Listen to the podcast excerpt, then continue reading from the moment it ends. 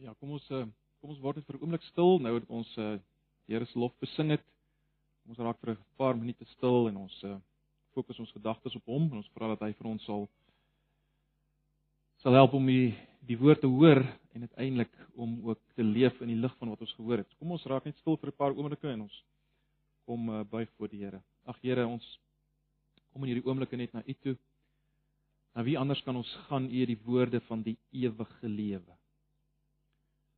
Ons wil in hierdie oomblikke maar net vra Here dat U ons baie bewus sal maak van ons voor U, ons in U teenwoordigheid.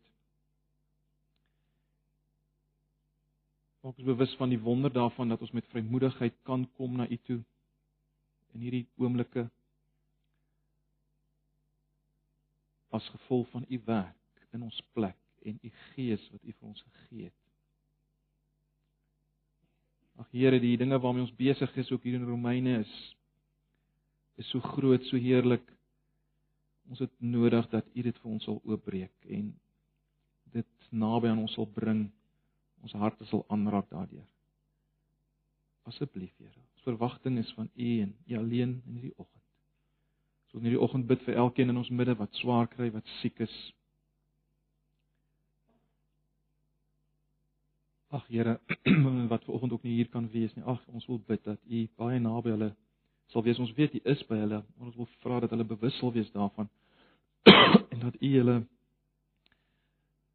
werklik sal versterk deur U teenwoordigheid en dat U ook vir ons as U liggaam sal gebruik in hulle lewens. Asseblief, Here. Ons is so bewus van die gebrokenheid rondom ons. Daarom is ons so afhanklik van U. Ons vra dit net alles in Jesus se naam. Amen.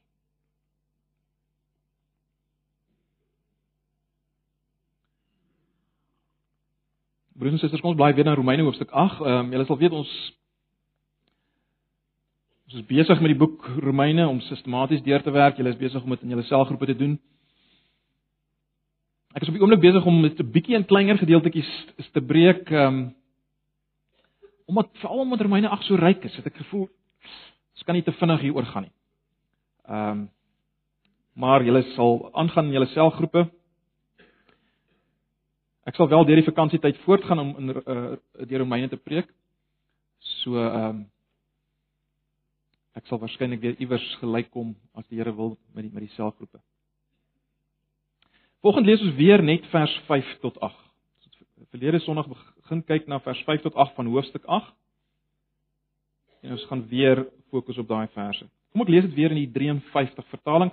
Ek gaan wel na al die vertalings verwys of uh, na ten minste 3 vertalings verwys in die uh, in die preek, so moenie bekommerd wees nie.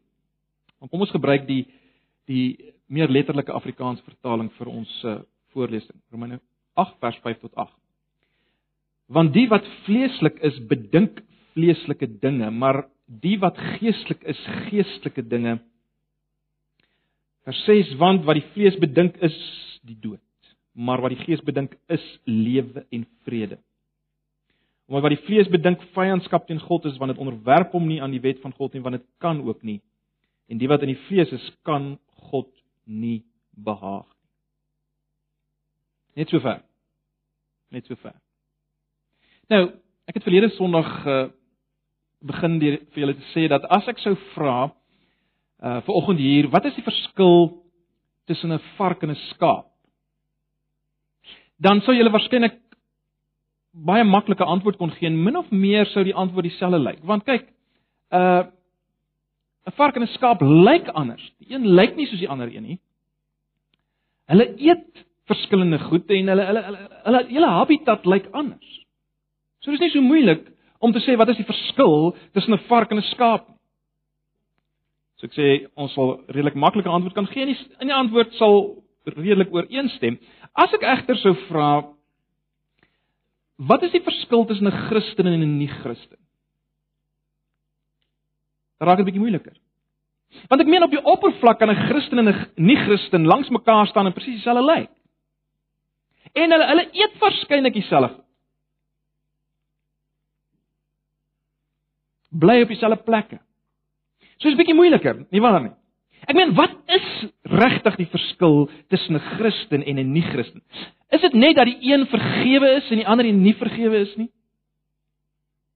Terwyl daar eintlik verder geen verskil is wat betref eh, eh, lewenspatroon, belangstelling en so meer nie. Wat is regtig die verskil? Nou ek dink Paulus in Romeine 8 spesifiek vers 5 tot 8 natuurlik deur die hele Romeine 8, maar spesifiek in Romeine 8 vers 5 tot 8 gee vir ons seker een van die mees diepgaande verduidelikings van die verskil tussen die Christen en die nie-Christen wat ons kry in die Bybel. Nou, laat ek onmiddellik sê wanneer Paulus verwys in vers 5 tot 8 is net twee groepe mense. Dis baie belangrik. Vanaf hoofstuk 5 werk Paulus met hierdie gedagte van daar's net twee groepe mense op aarde. Die wat nog in Adam is en die wat in Christus is, die laaste Adam. Christene as jy wil en nie Christene. Die in die vlees, die in die gees. Uh baie baie belangrik, hier's nie sprake van 'n derde kategorie nie. Nie hier in vers 5 tot 8 nie. Hier's nie sprake van van sekere Christene wat net meer geestelik is nie en ander Christene wat nou maar net vleeslik is. Dis wel so dat Christene by tye meer geestelik kan optree in hulle gedrag en en by ander tye dalk meer vleeslik. Dit kry ons, maar dis nie 'n derde kategorie Christene nie. Of 'n derde kategorie mense nie. Daar's net twee groepe. Daar's net twee groepe.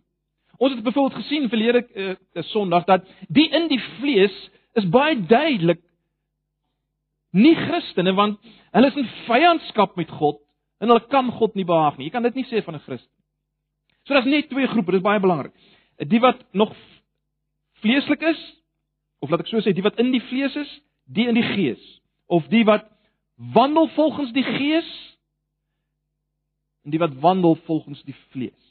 Die wat wandel volgens die gees en die wat wandel volgens die vlees of dan uh as jy die uh, nuwe vertaling lees, die wat wandel volgens die gees of die wat wandel volgens die ou sondige natuur. Dis hoe die 83 vertaling die vlees uh, interpreteer. So daar's net hierdie twee groepe en die groot verskil tussen hierdie groepe is nie net en dis belangrik. Dis nie net dat die een nie meer onder veroordeling is en die ander een nog steeds onder veroordeling is nie. Dis nie die enigste verskil nie. Maar goed, ons het verlede Sondag gekyk na die in die vlees, die nie Christen. Wat ons kry in hierdie verse, so ons het uh, ons het nie net deur die verse beweeg nie, ons het die twee groepe ons haal as te ware die twee groepe uit hierdie verse uit. Vanoggend gaan ons kyk na die Christen. Wat word gesê van die Christen? Die ander kategorie mense in hierdie verse. Nou, net voordat ons daarna kyk, miskien moet ons vra waarom is dit so belangrik om om om om stil te staan hierop op hierdie twee groepe mense? Waarom is dit belangrik? Waarom is dit belangrik om te weet of jy nog vanoggend terwyl jy sit in die vlees is en of jy geestelik is of dan in die gees is. Waarom is dit belangrik? Waarom is dit belangrik om te weet of jy nog in Adam is en of jy al in Christus is? Broers en susters, want dis net die wat in die gees is wat nie meer onder die veroordeling staan waarvan Romeine 8 vers 1 praat. Dis net die wat in die gees is wat kan weet, verseker kan wees daar is geen oordeel meer. Dis net hulle. Anders gestel, die Here wil vir ons deur Paulus absolute sekerheid gee van ons van ons toekoms as ek dit so kan stel. Van ons verlossing in die eerste plek. Van ons verlossing nou en daarom ons uiteindelike verlossing. Die Here wil vir ons absolute sekerheid gee, maar om daardie absolute sekerheid te kry, moet ons seker maak aan watter kant staan ons? Onder watter groep klassifiseer ons? Anders gestel, wil jy sekerheid van verlossing hê vanoggend wel, maak seker of jy behoort tot die wat in die vlees is en of jy behoort tot die wat in die gees is. So kom ons staan nader en en kyk na die Christen soos Paulus dit hier skets. Nou die opskrifte wat julle het in die preekraamwerk volg natuurlik dan nou die vertaling van die 53 die 53 vertaling. maar ek gaan wel verwys na die ander vertalings. Die eerste ding wat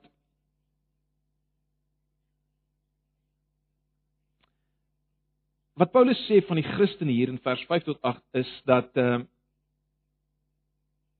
hy is of hy of sy is geestelik. sien julle dit? Kom ons kyk net na die verskillende vertalings. Die 1983 53 vertaling wat ons gelees het sê die wat geestelik is. Die 1983 vertaling interpreteer dit as die wat hulle deur die gees met 'n hoofletter laat beheers. Persoonlik hou ek die meeste van die ESV, die English Standard Version, uh wat die Christen kontrasteer met die nie-Christen as volg. Hy sê die nie-Christen is iemand wat live according to the flesh en dan sê hy die Christen is iemand as those who live according to the spirit met 'n hoofletter. Those who live according to the spirit. Ek hou van daardie vertaling. So dis die oorkoepelende as jy wil beskrywing van die Christen. Die Christen word gedomeineer as jy wil deur die Heilige Gees. Die hele rigting van sy lewe uh, word bepaal deur die Heilige Gees. Die vorm van sy lewe en die rigting van sy lewe word bepaal deur die Heilige Gees in kontras met die nie-Christen wie se hele lewe en sy uitkyk bepaal word deur die vlees. En ek gaan nie nou weer daarna verwys nie. Net terloops die die die hele konteks van Romeine 8 wys daarop dat ons hier te maak het met die Heilige Gees want uh dis nie altyd so maklik om raak te sien of Paulus praat van menslike gees of Heilige Gees nie maar maar die konteks gee vir ons die antwoord. In vers 14 byvoorbeeld as jy net vinnig kyk na vers 14 van Romeine 8 sê Paulus eintlik presies dieselfde as wat hy hier sê net op 'n bietjie ander manier as hy praat van almal wat hulle deur die gees van God laat lei is kinders van God. En ons weet ook in vers 9 uh praat hy van as iemand nie die gees van Christus het nie, behoort hy nie aan hom nie. As iemand nie die gees van Christus het nie. So dit gaan nie net hier oor die menslike gees nie. Want as as daar sommige mense wat in daai rigting beweeg met die verklaring van hierdie gedeelte, dit gaan maar net oor mense wat meer in kontak is met hulle gees en so meer. Ek wil nie daarop uitbrei nie. Belangrik dat ons dit sal sien. Dit gaan hier oor die Heilige Gees. Onthou Paulus het al reeds gewys in vers 2 dat dat die die Christen is iemand wat onder 'n nuwe bewind staan. Die wet van die Gees wat aan jou in Christus Jesus die lewe gee, het jou vrygemaak van die wet van sonde en die dood. Vers 2. Die Christen staan onder 'n nuwe bewind. So die basiese ding, die basiese beskrywing van die Christen is hy is geestelik of in die gees as jy dit so wou vertaal. Uh is iemand who live according to the spirit. Iemand wat lewe volgens die gees. 'n Volgende ding wat ons hier raak sien is dit. Hierdie persoon 53 vertaling bedink geestelike dinge. Bedink geestelike dinge. Die 1983 vertaling vertaal dit met hou hulle besig met die dinge van die gees en die ESV vertaal dit met set their minds on the things of the spirit.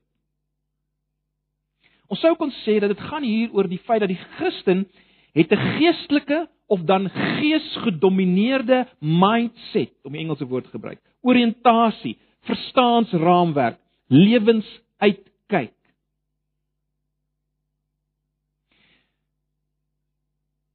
Nou die denke speel 'n baie belangrike rol hier, né? Die die die die die die, die gedagte van die denke lê lê in hierdie woord in in in in die oorspronklike vertaling, maar dit gaan natuurlik oor meer as bloot gedagtes en verstaan hier.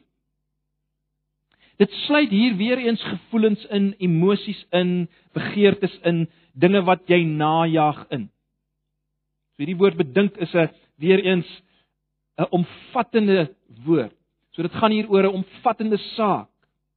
Die besig hou met die dinge van die gees, soos die 83 vertaling dit stel, is met ander woorde 'n omvattende saak.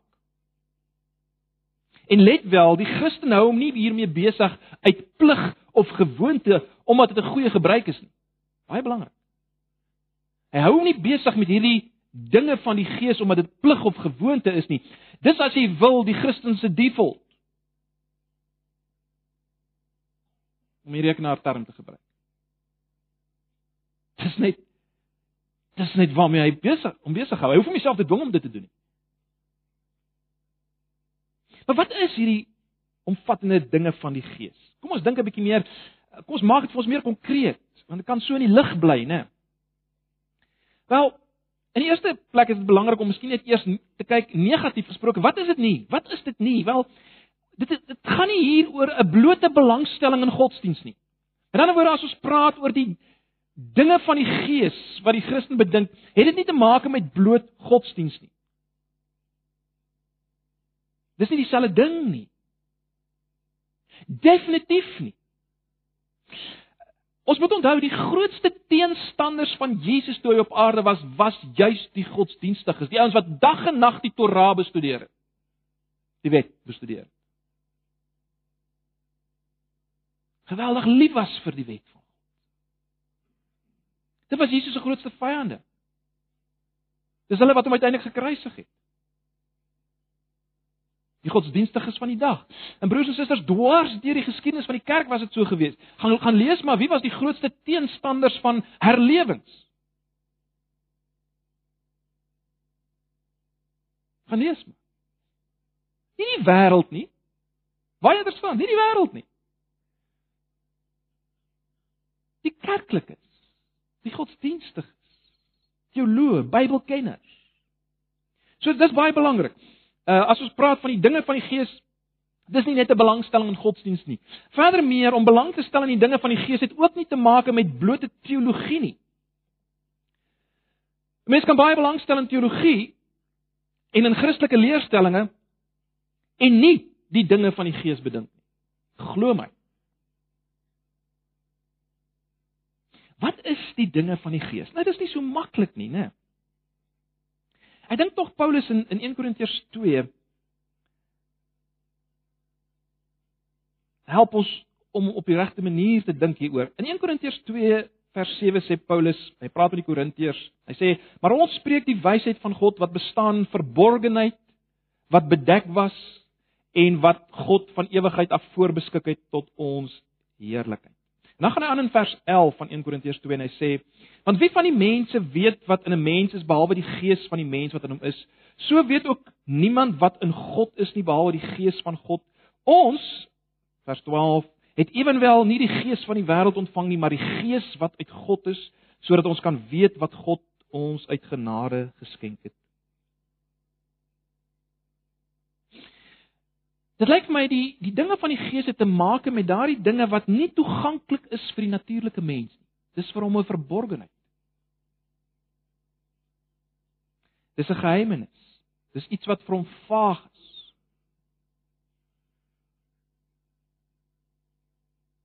Maar Christen Christen weet dit. Christens bewus daarvan. Maar hoe manifesteer dit? Hoe lyk dit? Hoe hoe sal dit prakties lyk in 'n Christelike lewe? Wel, kom ons kom ons dink daaroor. Ek dink 'n eerste ding wat mense moet noem, noem is dit: 'n Christen dink oor homself of haarself as iemand wat 'n siel of 'n gees het. Jy's baie bewus daarvan dat jy 'n binneste deel het wat nie gesien kan word en dat God belangstel in daardie deel wat ook nie gesien kan word. Christen is iemand wat wat baie bewus is daarvan. En hand aan hand daarmee stel die Christen daarom belang in sy verhouding met God wat deur die Gees by ons is. Nie nie sigbaar deur sy Gees by ons is. Die Christen stel belang in daardie verhouding. Die nie-Christen, die in die fees, het geen saak daarmee nie.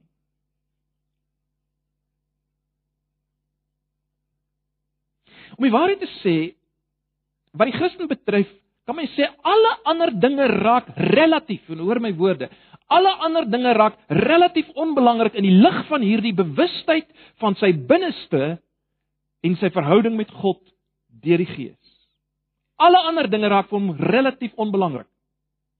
Sy posisie in die lewe, sy beroep, sy geld, sy man, sy vrou, sy kinders, sy familie en toekomsplanne, sy vooruitsigte, alles raak relatief onbelangrik in die lig daarvan.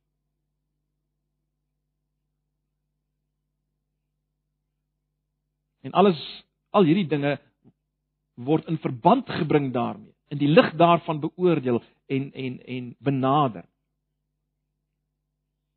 Hand aan hand met hierdie bewustheid is die Christen iemand wat baie bewus is van sy sonde, die feit dat hy daar nog dinge is in sy lewe wat nie pas by sy nuwe status nie. 'n Christen is baie bewus daarvan en en en Jesus het beloof dat die Heilige Gees jy sal kom en sal oortuig van sonde, né? Nee. Ons sien in Efesiërs 3 uh, ekskuus Efesiërs 4 vers 30 dat die die Gees word bedroef deur sonde. En as as die as die Christen daarom iemand is wat geestelike dinge bedink, dan is dit is dit net logies dat dit 'n rol speel. Die bewustheid van sonde. Maar sekerlik die belangrikste en jy sal weet dis ook wat Jesus beloof het wat die Gees sal doen. Jesus het gesê die Heilige Gees sal my verheerlik. Die Heilige Gees sal my verheerlik. En daarom is die Christen, ons het al baie dit gesê, maar ek sê dit weer, broers en susters, die Christen is ten diepste iemand wat behep is met Jesus Christus.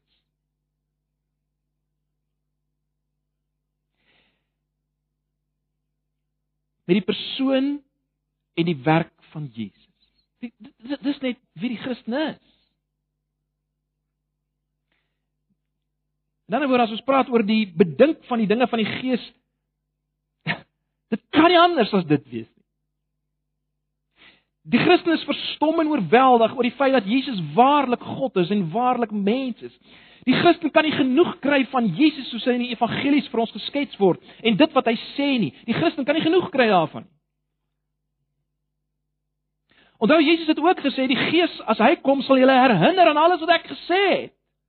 En natuurlik in die eerste plek is dit van toepassing op die op die Eh, wat uiteindelik ook weer neergeskryf het dit wat Jesus gesê het. Die Gees het hulle herinner daaraan, hulle het dit neergeskryf, maar op 'n volgende vlak is dit ons. Die Gees herinner ons aan alles wat Jesus gesê het. Soos as jy die dinge van die Gees bedink, sluit dit hierdie dinge in. Jesus se woord.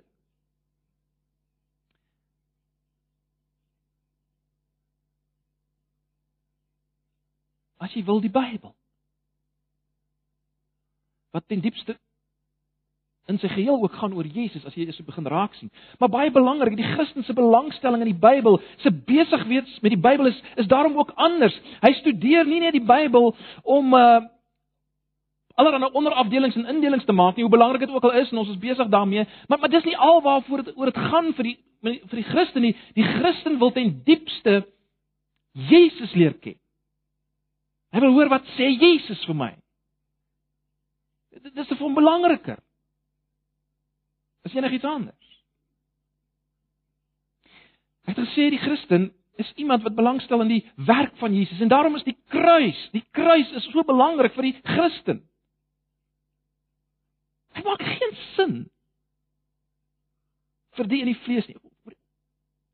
Paulus sê dit ook, net dis die kruis is dwaasheid vir die nie-Christen. Maar die Christen is iemand wat lees en dink oor die kruis. Sy hartstaal is as te ware uh soos Isak Watts dit gestel het, when I survey thy wondrous cross. Die kruis is hom iets wonderlik. Dit wat dit waarvoor die kruis natuurlik staan, né? Die verlossing waar waar waarvoor die kruis staan, die plaasvervangende dood van Jesus. Hierdie dinge interesseer die Christen, né? Hierdie dinge wat God hom geskenk het in Christus Jesus. Dis die die Gees maak dit vir ons duidelik wat het God ons geskenk. Wedergebore, regverdig maak, heilig maak, hierdie tipe dinge, dit interesseer die Christen. Sy eenheid met Christus. Sy eenheid met Christus, dit waarvan hoofstuk 6 gepraat het. Die feit dat ek saam met Christus gesterf het, saam met hom opgestaan het, dit interesseer die Christen. Hy hou hom daarmee besig want Dis die dinge van die Gees. Die Gees kom, lê dit op sy hart, maak dit vir hom duidelik.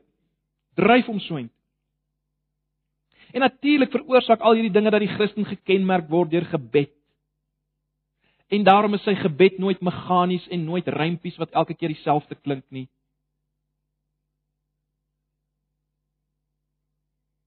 Want word beweeg deur die Gees. Maar baie belangrik, die Christen kyk ook daarom anders na die wêreld. Onthou hy die gees van Pinksterdag in hom. Die dinge van die Gees, die Gees het juis gekom. Juis gekom sodat die die evangelie kan gaan na die wêreld toe en daarom sal die Christen iemand wees wat wat anders kyk na die wêreld, wat kyk na die wêreld as 'n wêreld in nood, 'n wêreld in die mag van die bose, 'n wêreld wat verlossing nodig het. Dit die Christen kan nie anders as om so na die wêreld te kyk nie. Hy hy hy, bedink dit. Dis dis sy lewensuitkyk is om te kyk na die wêreld in die lig van die ewigheid en die lig van die evangelie. Hy kan nie anders nie. Die Christen bedink die dinge van die Gees. Ag, miskien moet ek net dadelik by sê en miskien veral vir vir jong Christene hier. Ek ek ek sê nie vir oggend dat dat die Christen in hierdie dinge volkome is en alles volkome verstaan en en elke dag 100% net die dinge van die Gees bedink nie. Dis nie wat ek sê nie. Maar teenoor die wat in die vlees is, is daar 'n absolute radikale verskil, die verskil tussen lewe en dood waaroor ons nou nog gaan praat. Daar's 'n verskil. So al wat ek hê, wil hê jy moet jouself vanoggend afvra is dit, het ek 'n smaak vir hierdie dinge? Ek ek praat nie ek ek vra nie of jy volkome is in dit. Ek vra het jy smaak hiervoor? Kom ek stel dit anders. Miskien bietjie snaaks, gaan dalk nou snaaks klink, klink, maar kom ek vra vir jou so. Het jy geniet wat ek nou net gesê het?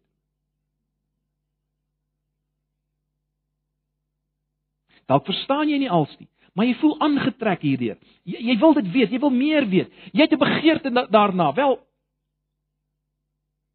Ek wil dit waag om te sê dit dit is 'n goeie aanduiding dat dat jy die dinge van die Gees bedink. So die Christen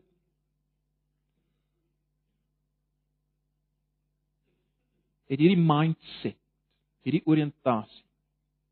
Die volgende ding wat ons sien in hierdie vers is dit wat die Gees bedink is lewe en vrede en ek gaan dit op opdeel. Wat die Gees bedink, kom ons kyk net eers na wat die Gees bedink. Ons het nou gepraat oor wat is hierdie bedink? Is lewe.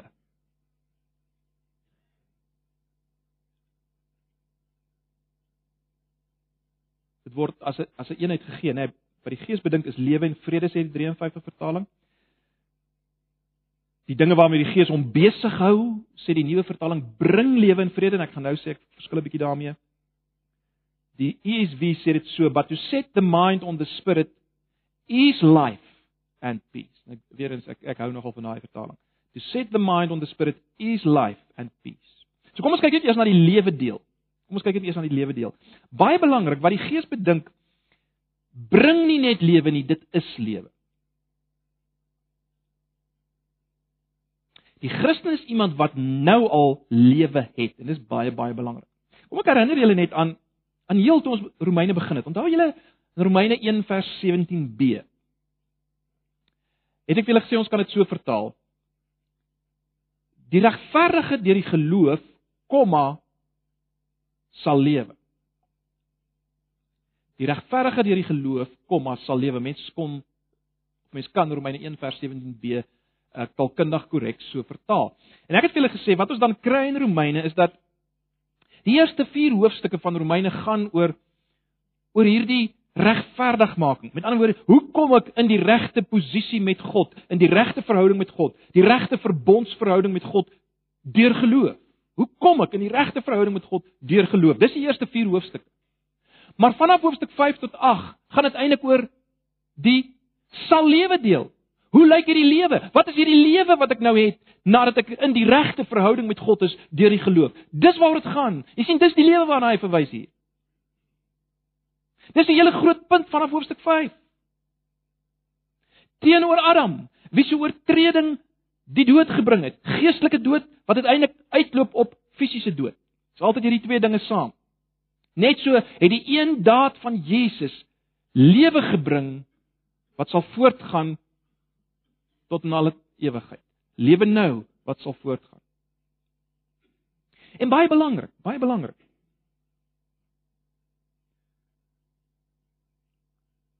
In hoofstuk 7 vers 10 het Paulus gewys dat die wet, die hele ou verbondstelsel het juis hierdie lewe beloof. Jy sal weet Moses sê by 'n paar keer, ek hou vir julle voor die lewe en die dood. Kies die lewe. En dan is dit die dit dis dis die ou verbond, die wet. En uh, Romeine 7 vers 10 verwys daarna. Die die die ou verbondstelsel, die wet het hierdie lewe beloof, maar hy kon dit nie gee nie as gevolg van die probleem van sonde. Ons het daarna gekyk. Hy kon nie hierdie lewe gee nie. Die wet kon nie hierdie lewe gee nie. Maar onthou julle ons het gesien, dis juis wat God kom doen het Romeine 8 vers 3 wat die wat die wet nie kon doen nie om hierdie lewe te gee nie. Dit het God gedoen in Jesus. Hoe kon hy dit doen want hy het gehandel met sonde, né? En nou kan vers 4 van Romeine 8 die reg van die wet vervul word. Die lewe wat die wet beloof het, as ek dit so kan stel, kan nou vervul word in die wat nie leef volgens die vlees nie, maar die gees. Maar die punt is die lewe, né? Nee, ons moet dit raak sien. Jy sien, die punt van Romeine is dat die lewe wat Jesus het. Julle sal weet Johannes 1 vers 4 sê in hom, dis Jesus was die lewe. En die hele punt van Romeine is dat die lewe wat Jesus het, kry ons nou. In hoofstuk 6 wys Paulus dit weer en weer. Onthou julle dit? Romeine 6 vers 4, Romeine 6 vers 5, Romeine 6 vers 8, Romeine 6 vers 11.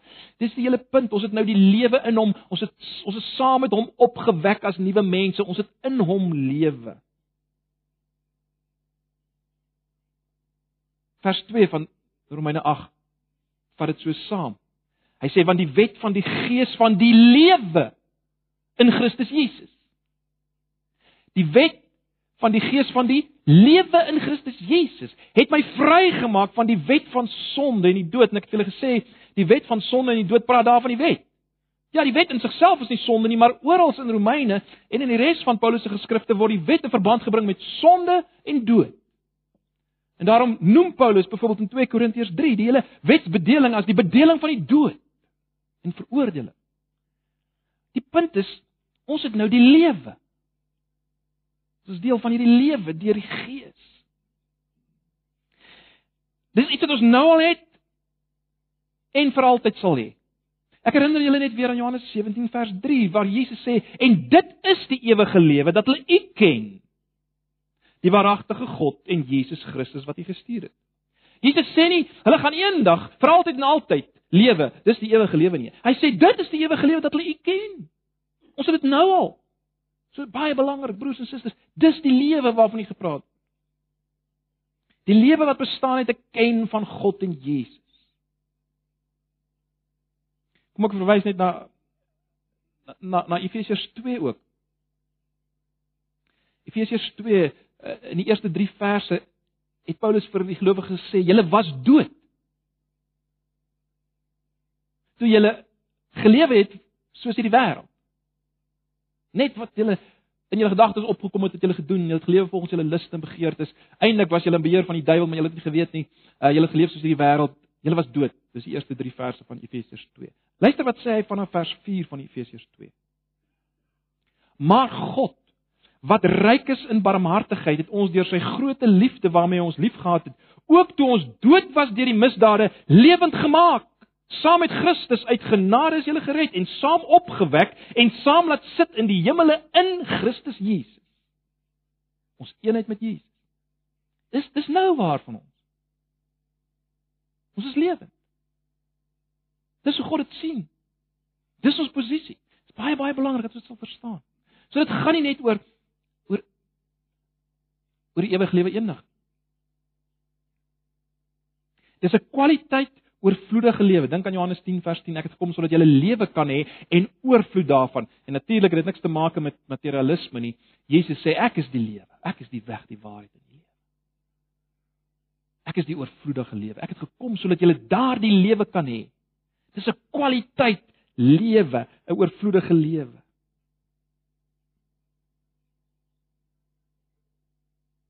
Dis waar van die Christen. Dis waar van die Christen. Weereens hoe hoe sal dit manifesteer? Hoe sal dit manifesteer in praktyk? Ag, weereens dis nie so maklik nie, maar hy dink tog ons kan sê dat die Christen is bewus hiervan. Hy's bewus hy kan nou reageer op God. Hy's bewus soos Petrus dit stel in 1 Petrus 2 van 'n van 'n 'n honger na die na die melk van die woord, soos 'n pasgebore babatjie. Dis bewus daarvan. So hierdie lewe manifesteer. Baie belangrik, dit kom van binne. Jy dra nie meer hierdie lewe in 'n sak buite jou nie. Ons het al baie die voorbeeld gebruik. Uh kom ek gebruik dit maar weer. Die voorbeeld van die verskil tussen 'n kersboom en 'n gewone natuurlike boom. 'n Kersboom kan eintlik pragtig lyk. Hy kan baie mooier as 'n normale boom lyk, maar is alles van buite af aangehang. Niks kom van binne af nie. En dis die verskil tussen die die Christen en die nie-Christen. Die in die gees en die in die vlees.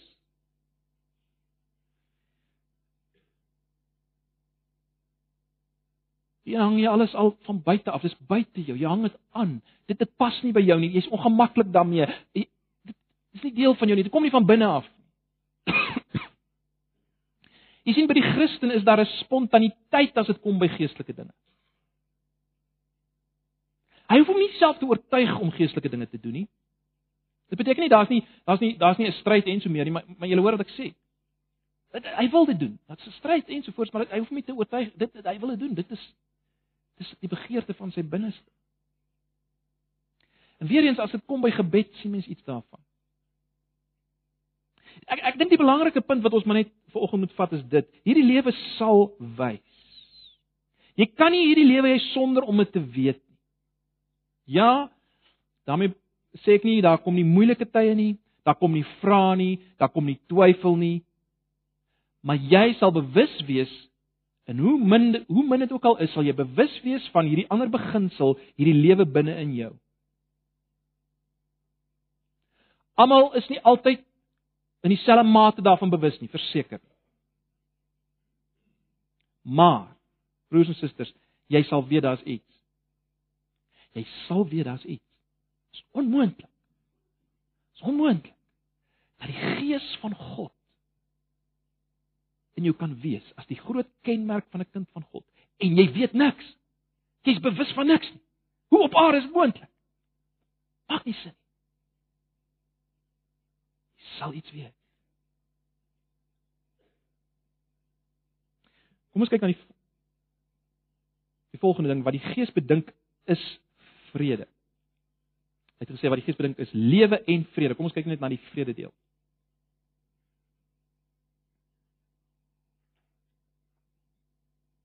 Hoekom jy's vrede? Ek wonder of jy ooit daaroor gedink het. Ek meen ons weet vrede is een sogenaamde vrug van die Gees in Galasiërs 5, maar hoekom vat hy juist vrede?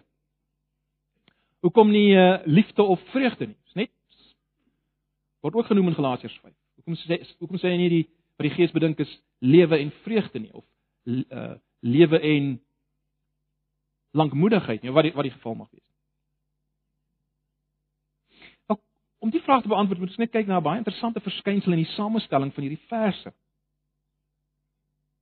In hierdie verse eh, sou julle raak gesien het die die negatief en die positief of die kenmerke van die in die vlees en die in die gees gaan so hand aan hand, né? Nee, die een word genoem en dan die ander een. Kyk byvoorbeeld.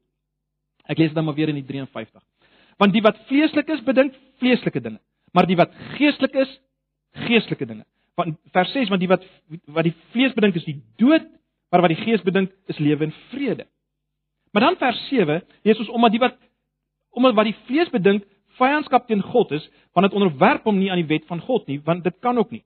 Wat sou 'n mens hier verwag as jy hierdie teenpole heeltyd so sien? Mense sou verwag Paulus sou sê wat die Gees bedink is is is nie vyandskap met God nie of vriendskap met God, want dit onderwerp hom aan die wet van God en dit kan. Met, met, dis die logiese, né, wat mense sou verwag.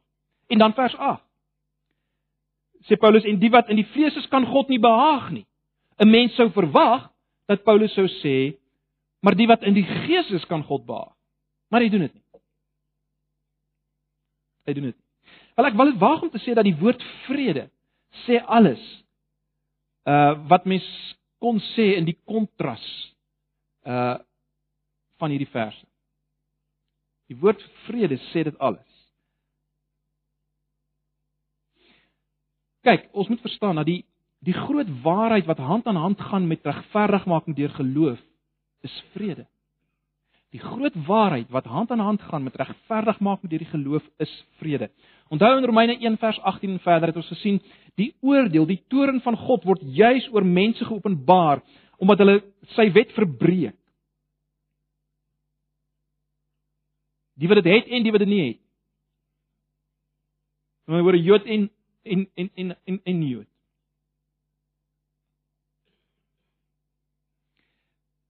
Ons kan sê die die mens en God is 'n is 'n is 'n posisie van vyandskap. Mense is as te ware in vyandskap teen God, maar God is as te ware ook as mens dit so kan stel, sy toorn is oor die mens. As gevolg van die mense verbreeking van God se se wet. Maar wat ons gesien het in Romeine is juist deur regverdigmaking word die Christen uit hierdie posisie geneem. Hy is nie meer in 'n posisie van vyandskap nie. Om waarheid te sê Romeine 5 vers 1 sê dit glashelder. Ons het nou vrede by God deur ons Here Jesus Christus. Ons het nou vrede. U sien dis die groot ding. Hierdie regverdigmaking, hierdie kom in die regte verhouding met God. Let wel, vind nie plaas deur wetsonderhouding nie. Ons het juis gesien Ons het juis gesien in, in Romeine 8 vers 2, die wet van die gees van die lewe in Christus Jesus het ons vrygemaak van die wet van sonde en dood. Met ander woorde, as gevolg van die vrede wat daar is tussen God en die Christen, is die Christen nie meer onder die wetsbedeling nie. En daarom is dit nie eers meer 'n kwessie of hy hom onder onderwerp aan God se wet of nie. Want hy het niks meer daarmee te maak nie, met die ou bedeling nie. Nou die wet staan vir daai hele bedeling. Hy het niks met daarmee te maak nie. Paulus gaan so ver om te sê in Galasiërs 2 vers 19, ek is dood vir die wet om vir God te lewe.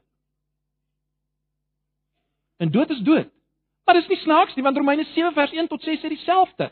Romeine 7 vers 1 tot 6 sê daar het dood plaasgevind wat die wet betref en daarom kan ek nou vrug dra vir God want ek kan nou in 'n huwelik gaan met Jesus en vrug dra vir God. Ek kon dit nie doen nie, maar dat dit dood plaasgevind wat betref die wet.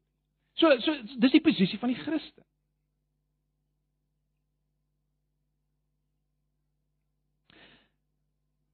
In 8 vers 4 het ons gesien dat die die reg van die wet soos die 53 vertaling het vertaal, die reg van die wet is vervul, let wel, in die wat wandel na die gees en nie die vlees nie. Jy sien, die wet vereis dat jy sekere dinge moet doen om te kan lewe. As jy dit nie doen nie, moes jy sterf. In die Christelike geval is daar voldoen daaraan in Christus Jesus. En daarom kan hy nou lewe met 'n hoofletter vir God.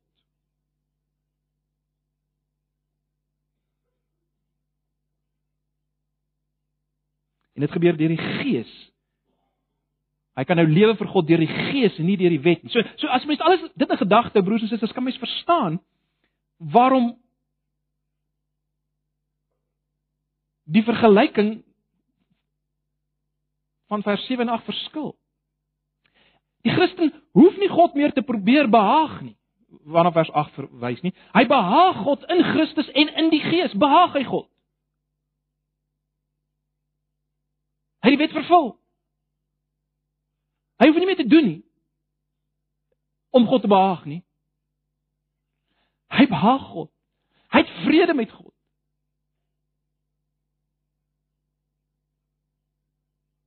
So daarom is die res van vers 7 en 8 se vergelyking nie nodig nie. Die woord vrede sê dit al. Die woord vrede sê dit alles. Wat die Gees bedink is lewe en vrede. En daarom hoef die res van die vergelyking daar hoef niks daaroor gesê te word. Daar hoef niks daaroor gesê te word. Die Christen is totaal in 'n ander posisie. Hy het meer 'n worstel om die wet van God. Nee, nee, nee, nee. Hy wandel deur die Gees. Wet is vervul in hom. Hy het die lewe. Hy het vrede met God. Hy is nie meer onder die oordeel. Geweldig, geweldig.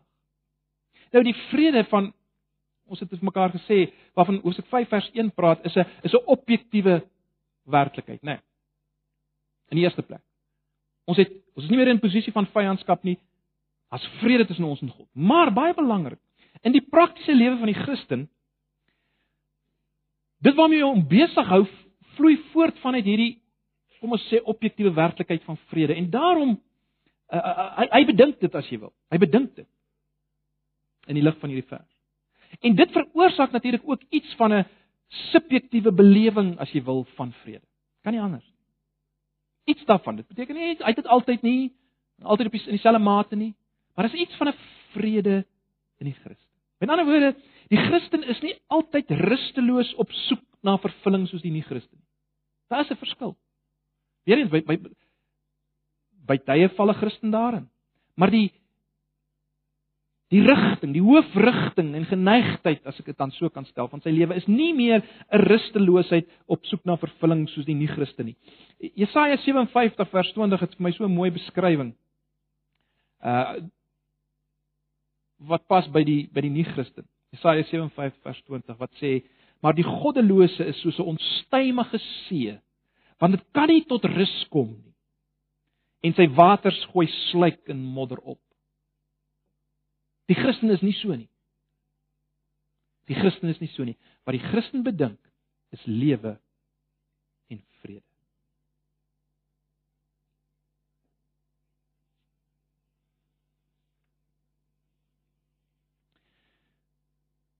So broers en susters, dis die beskrywing Paulus se beskrywing van 'n Christen in kontras met die nie-Christen. Ons leef in 'n tyd waar die onderskeid tussen Christen en nie-Christen baie vaag geword het. Julle sal dit weet, julle sal dit weet. En, en en daarom is dit van kardinale belang dat ons dit waaroor ons vanoggend gepraat het, sal vat en dit sal raak sien en dit sal verkondig en dit sal uitleef.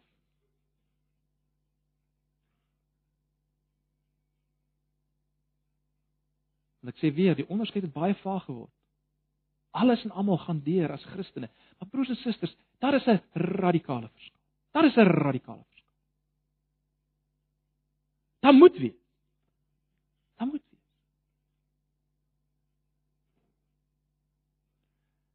Mag die Here ons die genade gee om dit raak te sien, om te vat.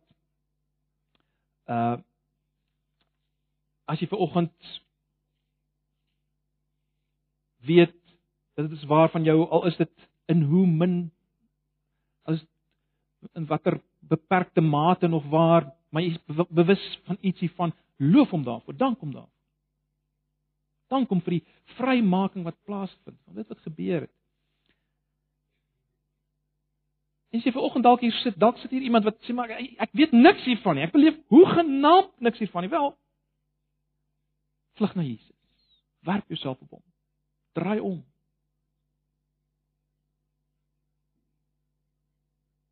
Buig voor hom.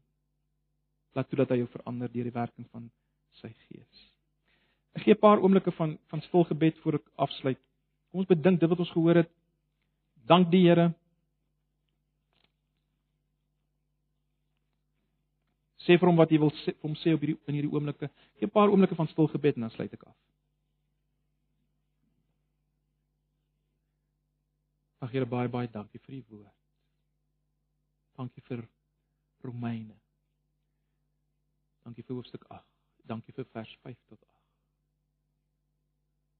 Dankie Here Jesus weer eens vir dit wat U kom doen het. Die geweldige geweldige ding wat U kom doen het op Golgotha. Om dit wat Adam ingebring het om te keer.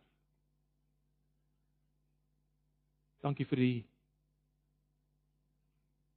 die waarheid en die werklikheid daarvan om te kan deel wees van die in Christus in die gees en nie meer van die in die vlees in Adam nie. Ons dankie daarvoor.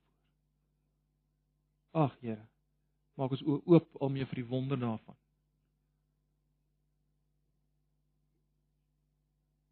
Dat jy's dit, hierdie waarheid soos ons later sal sien in Romeine 8, ons sal aanvuur en aanspoor om die sonde wat ons aanval dood te maak vanuit hierdie oorwinningsposisie. Dankie dat ons kan weet dat ons uiteindelik ook op pad